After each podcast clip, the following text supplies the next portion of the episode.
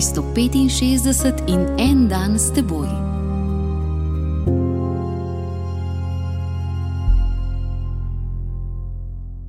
Iz Markovega evangelija, deseto poglavje, 14. vrstica. Pustite otroke, naj prihajajo k meni in ne branite jim, kajti takšnih je Božje kraljestvo. Kadar kristijani jemljajo evangelij zlahka in ga znižajo na raven svojih potreb, utrujeni pešajo, marsikdaj kot privesek zgodovine. Kadar kristijani jemljajo evangelij za res in uporabijo vso svojo energijo, da bi sebe dvignili na raven evangelija, tedaj se rojevajo svetniki. Leta 1815 se v kraju Castelnovo de Asti rodi Janez Bosko.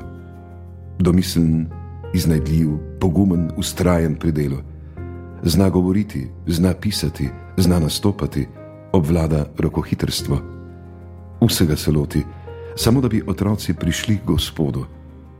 In ker otrok ni več v cerkev, ker se ne čutijo sprejete, gre on polnje. Evangelij, ki ga živi, ga žene naprej in zgodovina mu mora slediti. Spozna, da je bolje preprečevati, kakor zdraviti, bolje ljubiti, kakor kaznovati.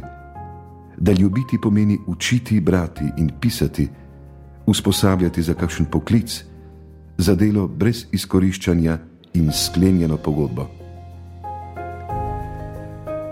Kristijani, ki mislijo, da zadostuje, da evangeliji samo razlagajo, ga gledajo, kako se dviga od tav in ga ne razumejo. Borijo se proti njemu. Toda kokoši ne morejo ustaviti orlov. Pač pa orli tolikim kokošim vzbudijo željo po letenju.